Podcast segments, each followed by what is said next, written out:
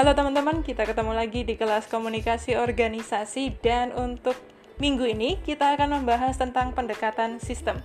Sebelumnya di dua pertemuan yang lalu kita sudah membicarakan tentang pendekatan klasik dan pendekatan sumber daya manusia dan relasi manusia.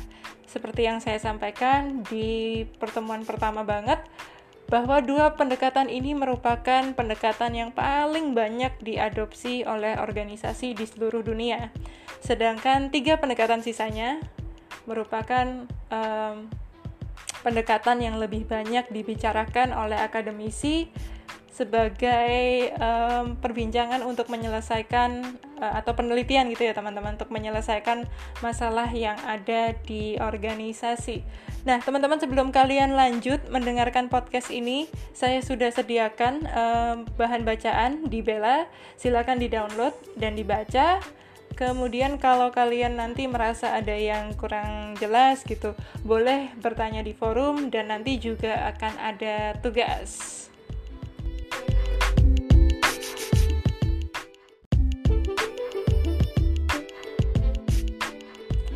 Nah, teman-teman, pendekatan sistem. Kita di awal atau pertemuan kedua ya, kita sudah mempelajari bahwa di pendekatan klasik itu organisasi dianggap seperti mesin. Mesin yang komponennya bisa diganti-ganti. Jadi seperti yang saya ceritakan kalau misalnya kita punya motor kemudian uh, businya rusak, nah kita tinggal beli busi atau kita sebut itu sebagai spare part Sedangkan di minggu kemarin kita mempelajari tentang tambahan gitu ya, tambahan pada pendekatan klasik, yaitu munculnya perhatian terhadap pekerja sebagai manusia. Jadi di pendekatan klasik, manusia itu kan dianggap seperti komponen mesin, tapi di pendekatan um, pendekatan relasi manusia dan sumber daya manusia yang namanya manusia atau pekerja atau anggota organisasi itu betul-betul dianggap sebagai manusia dan dipelajari uh, perilakunya sebagai manusia dalam organisasi. Tapi teman-teman, kedua pendekatan yang kita sudah pelajari tersebut termasuk teori-teori uh, di dalamnya yang sudah saya jelaskan dianggap masih belum begitu memuaskan maupun uh, dianggap masih belum mampu menjelaskan permasalahan organisasi yang semakin kompleks sampai hari ini. Nah, ada metafora baru yang muncul atas ketidakpuasan terhadap dua pendekatan ini, yaitu metafora sistem atau metafora organismik. Jadi yang namanya organisasi itu dianggap sebagai sebuah sistem atau dianggap sebagai organisme yang organik banget. Jadi sebutannya organic organization atau organisasi yang organik gitu ya. Nah, di metafora ini, metafora sistem atau metafora organismik ini, organisasi itu dilihat sebagai organisme yang kompleks yang berinteraksi dengan lingkungannya agar dapat bertahan. Di pertemuan awal banget saya ceritakan bahwa uh, kalau kita bayangin tentang organisme ya teman-teman, organisme sebagai metafora organisasi kita cukup membayangkan tubuh manusia. Nah, kita nanti uh, akan belajar bagaimana pendekatan ini dapat membantu kita memahami proses komunikasi yang ada di dalam organisasi.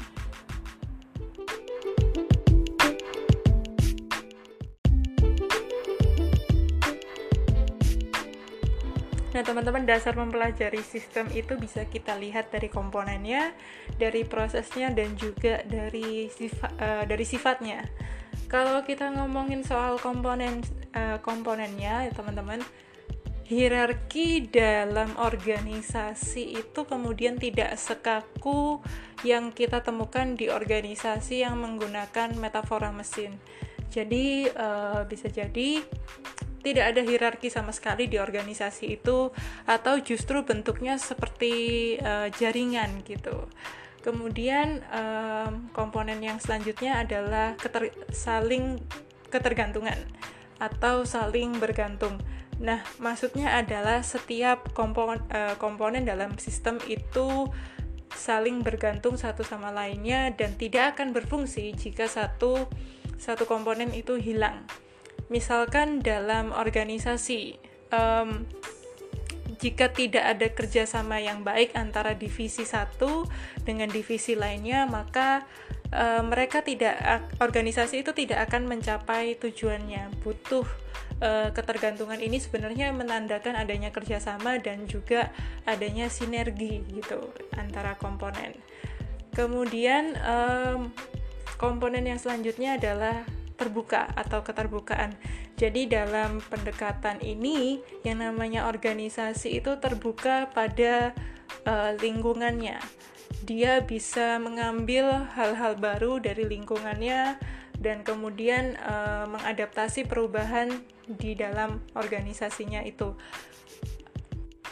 Uh, contohnya misalkan uh, misalkan teknologi perkembangan teknologi um, organisasi itu bisa mengada mengadaptasi pe perubahan teknologi. Misalkan dulunya cuma pakai surat surat-surat uh, surat-surat biasa gitu ya pakai mesin ketik. Kemudian uh, kalau berkirim surat juga masih pakai kertas gitu. Nah kemudian dengan adanya teknologi dia mengadaptasi mengadaptasi teknologi itu segala ke, uh, urusan administrasi yang mesin ketik kemudian kertas itu digantikan dengan komputer dan email. Nah, itu adalah uh, komponen terbuka. Dasar yang selanjutnya adalah tentang proses. Nah, teman-teman, kalau di pendekatan ini, proses di organisasi itu dibagi jadi tiga tahapan ya. Jadi ada input, kemudian proses itu sendiri atau uh, proses di dalam organisasi itu sendiri, dan kemudian ada output. Nah, pada dasarnya, um, proses ini juga kemudian dibagi lagi menjadi dua yaitu ada pertukaran proses pertukaran dan ada proses feedback.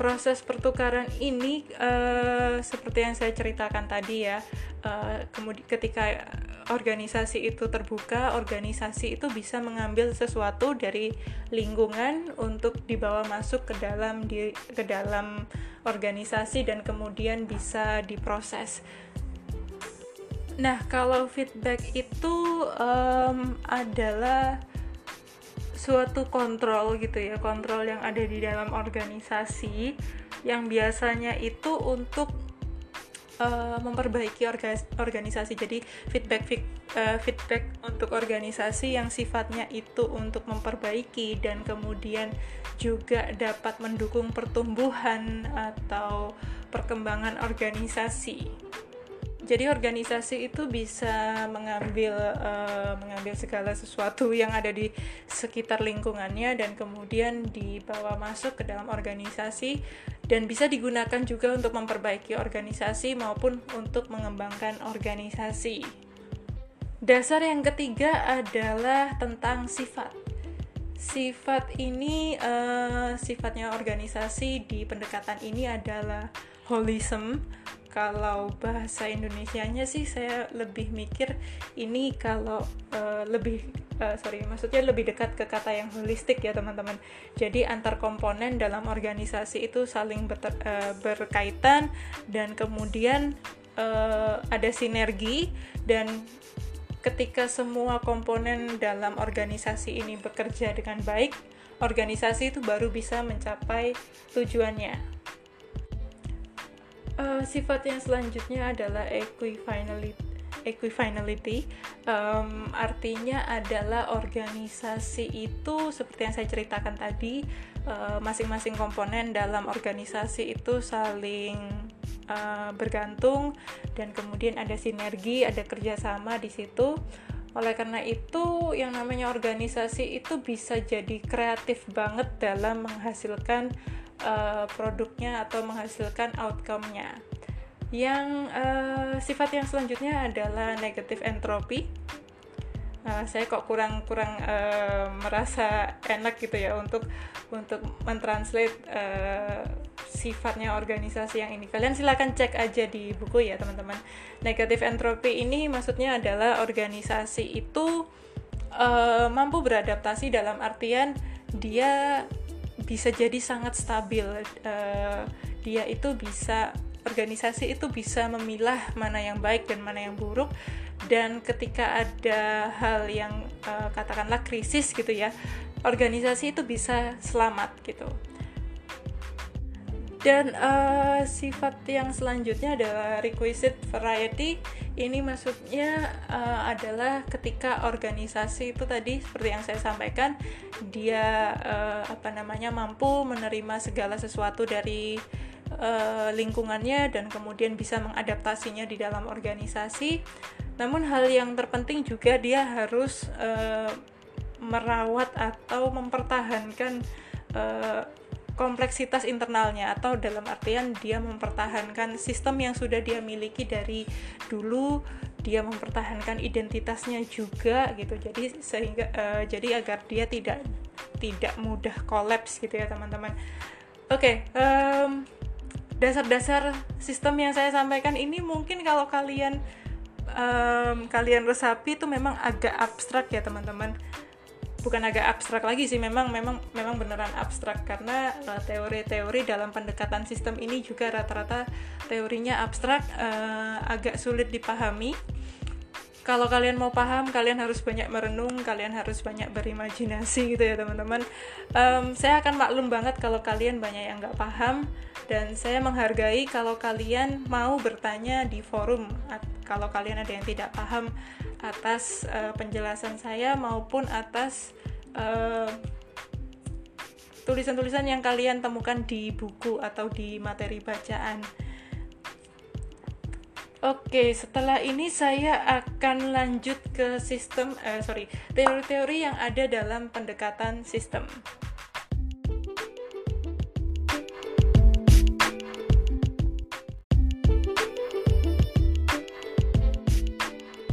Nah, teman-teman akan saya kenalkan uh, beberapa tiga teori sih, tiga teori dalam pendekatan sistem. Teori yang pertama adalah teori sibernetika. Saya yakin kalian sudah pernah dengar kata sibernetika. Kemudian ada teorinya Carl Weick, uh, tentang teori of organizingnya punya uh, Carl Weick Kemudian ada juga uh, ada uh, beberapa teori lain yang kemudian muncul atau bermunculan setelah teorinya Carl Weick ini tadi. Oke, okay, tentang teori sibernetika teman-teman. Teori ini menekankan pentingnya komponen dalam sistem dan mengabaikan hal selain itu. Jadi yang paling penting adalah komponen dalam sistem itu. Kemudian dalam di uh, dalam teori sibernetika ini um, proposisi yang diajukan juga mementingkan mementingkan adanya peran feedback dalam organisasi. Dalam organisasi terutama uh, feedback yang tujuannya untuk mengkoreksi organisasi. Uh, feedback itu dianggap penting karena uh, dianggap untuk memelihara organisasi. Selain itu, uh, teori sibernetika juga mengutamakan pentingnya ketergantungan antar komponen sistem karena mekanisme ini berkaitan erat dengan tujuannya organisasi. Teori sibernetika ini juga mementingkan komponen organ. Tadi yang saya sampaikan ya bahwa teori sibernetika ini mementingkan uh, komponen dalam organisasi. Namun sebenarnya teman-teman ada juga komponen yang diabaikan yaitu tentang pertumbuhan organisasi dan lingkungan organisasi. Nah, teorinya Carl Weick uh, saya sih nyebutnya wake gitu aja ya pakai uh, pakai pakai logat bahasa Indonesia karena lebih gampang teman-teman theory of organizing ini teorinya dia jadi uh, di theory of organizing punyanya Carl Weick ini uh, akhirnya ada teori yang mempertimbangkan aspek lingkungan organisasi dan ada dan juga pentingnya aspek komunikasi dalam organisasi. Kalau tadi teori uh, sibernetika nggak mementingkan lingkungan organisasi, teorinya Carl, uh, Carl Weick itu mementingkan aspek organisasi. Sorry, saya ulangi lagi ya. Kalau teori sibernetika tadi mengabaikan uh, aspek lingkungan organisasi, kalau teorinya Carl Weick itu mementingkan aspek lingkungannya organisasi. Jadi hal yang berbeda ya teman-teman dan berlawanan. Nah, dalam teorinya Weick ini lingkungan yang dimaksud itu bukan uh, seperti lingkungan uh, yang kayak tempat-tempat apa namanya uh, misalnya kalau ada kantor yang di daerah perumahan kemudian ada di rumah ada rumah-rumah sekitar kantor ada penduduk-penduduk sekitar kantor bukan hanya itu ya tapi juga ada lingkungan yang disebut lingkungan informatif. Nah ini maksudnya uh, maksudnya Carl Wake lingkungan itu tidak terpisah jauh dari organisasi tapi para anggota organisasi itu juga bisa menciptakan lingkungan lingkungan informatif. Karena yang namanya anggota organisasi itu kan punya latar belakang yang berbeda-beda. Mereka datang dari tempat yang berbeda-beda juga. Nah, ketika in, ketika mereka ini berdiskusi, mereka itu sebenarnya sedang membentuk lingkungan informasi. Nah, teorinya Wake ini juga berusaha mengurangi ketidakpastian dalam organisasi. Caranya dengan sense making kalau uh, kalian gampangnya ya teman-teman kalau kalian dengan dengar teorinya Carl Wake ini uh, proposisi yang paling sering dibicarakan itu adalah tentang sense making. Nah, misalkan um, di tempat kerja itu kalau seumpama bos uh, atau kepala atau atasan tuh ya tiba-tiba panggil uh, pegawainya ke ruangan saya sekarang gitu. Misalkan uh, bosnya hanya ngomong gitu. Nah, kalimat ini bisa punya makna yang berbeda-beda bagi masing-masing orang. Ada yang beranggapan bahwa kalau bos itu tiba-tiba manggil karyawan, bisa jadi karyawan ini sedang dalam masalah. Bisa juga um, karyawan ini sedang bekerja sama atau bekerja dalam sebuah proyek bersama dengan kepala uh, bos ini atau kepala ini. Nah, Wake itu menyarankan bahwa organisasi itu harus punya peraturan.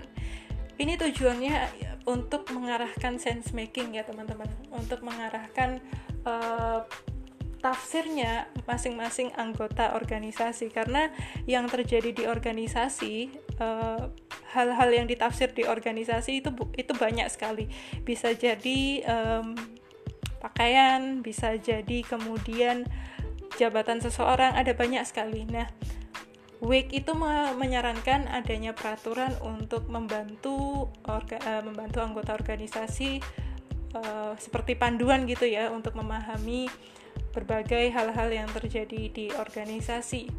Nah, teori yang ketiga uh, ini sebenarnya teori-teori yang muncul setelah teorinya Wake, teman-teman.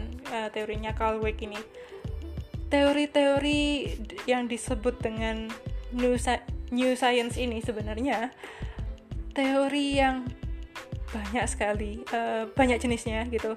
Uh, banyak sekali kemudian ilmuwan yang menggagas teori ini dan proposisi yang diajukan juga macam-macam.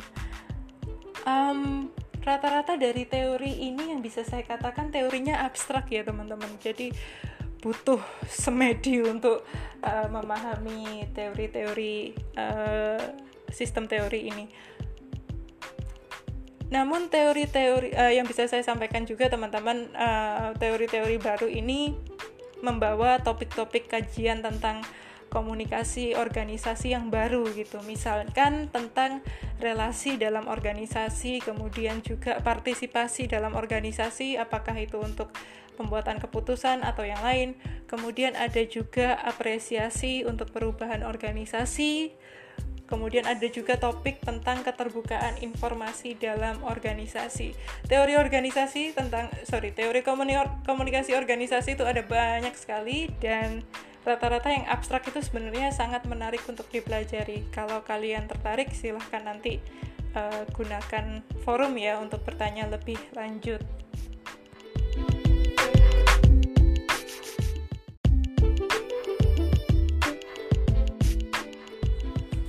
Nah, teman-teman, uh, seperti yang diceritakan di teori-teori tentang uh, organisasi, teori-teori tentang sistem organisasi, kemudian uh, tentang dasar-dasar yang saya sampaikan di awal, yang dapat kita pelajari dari pendekatan uh, pendekatan sistem ini adalah pendekatan ini kompleks dan setiap organisasi memiliki masalahnya masing-masing.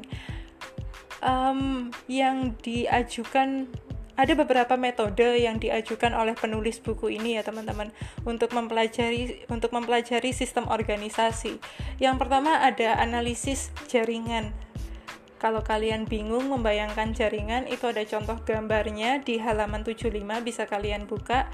Jadi uh, akan dipelajari eh, masing-masing uh, peran dalam uh, jaringan.